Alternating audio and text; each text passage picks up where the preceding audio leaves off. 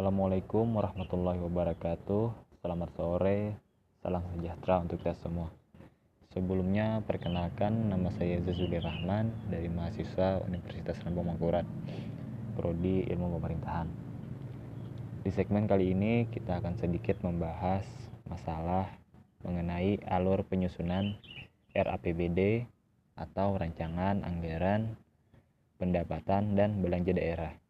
Langsung saja untuk alur penyusunan RAPBD, yang pertama pemerintah daerah menyusun RAPBD-nya tersebut. Kemudian pemerintah daerah mengajukan ke DPRD kabupaten. Apabila sudah diajukan, maka DPRD akan menyetujui atau tidak menyetujui RAPBD tersebut. Apabila disetujui, maka RAPBD tersebut disahkan menjadi APBD. Untuk landasan hukum penyusunan APBD terdapat pada Undang-Undang Nomor 32 Tahun 2003 Pasal 25 dan Undang-Undang Nomor 33 Tahun 2003. Mungkin itu saja yang dapat saya sampaikan kali ini. Setelah mohon maaf.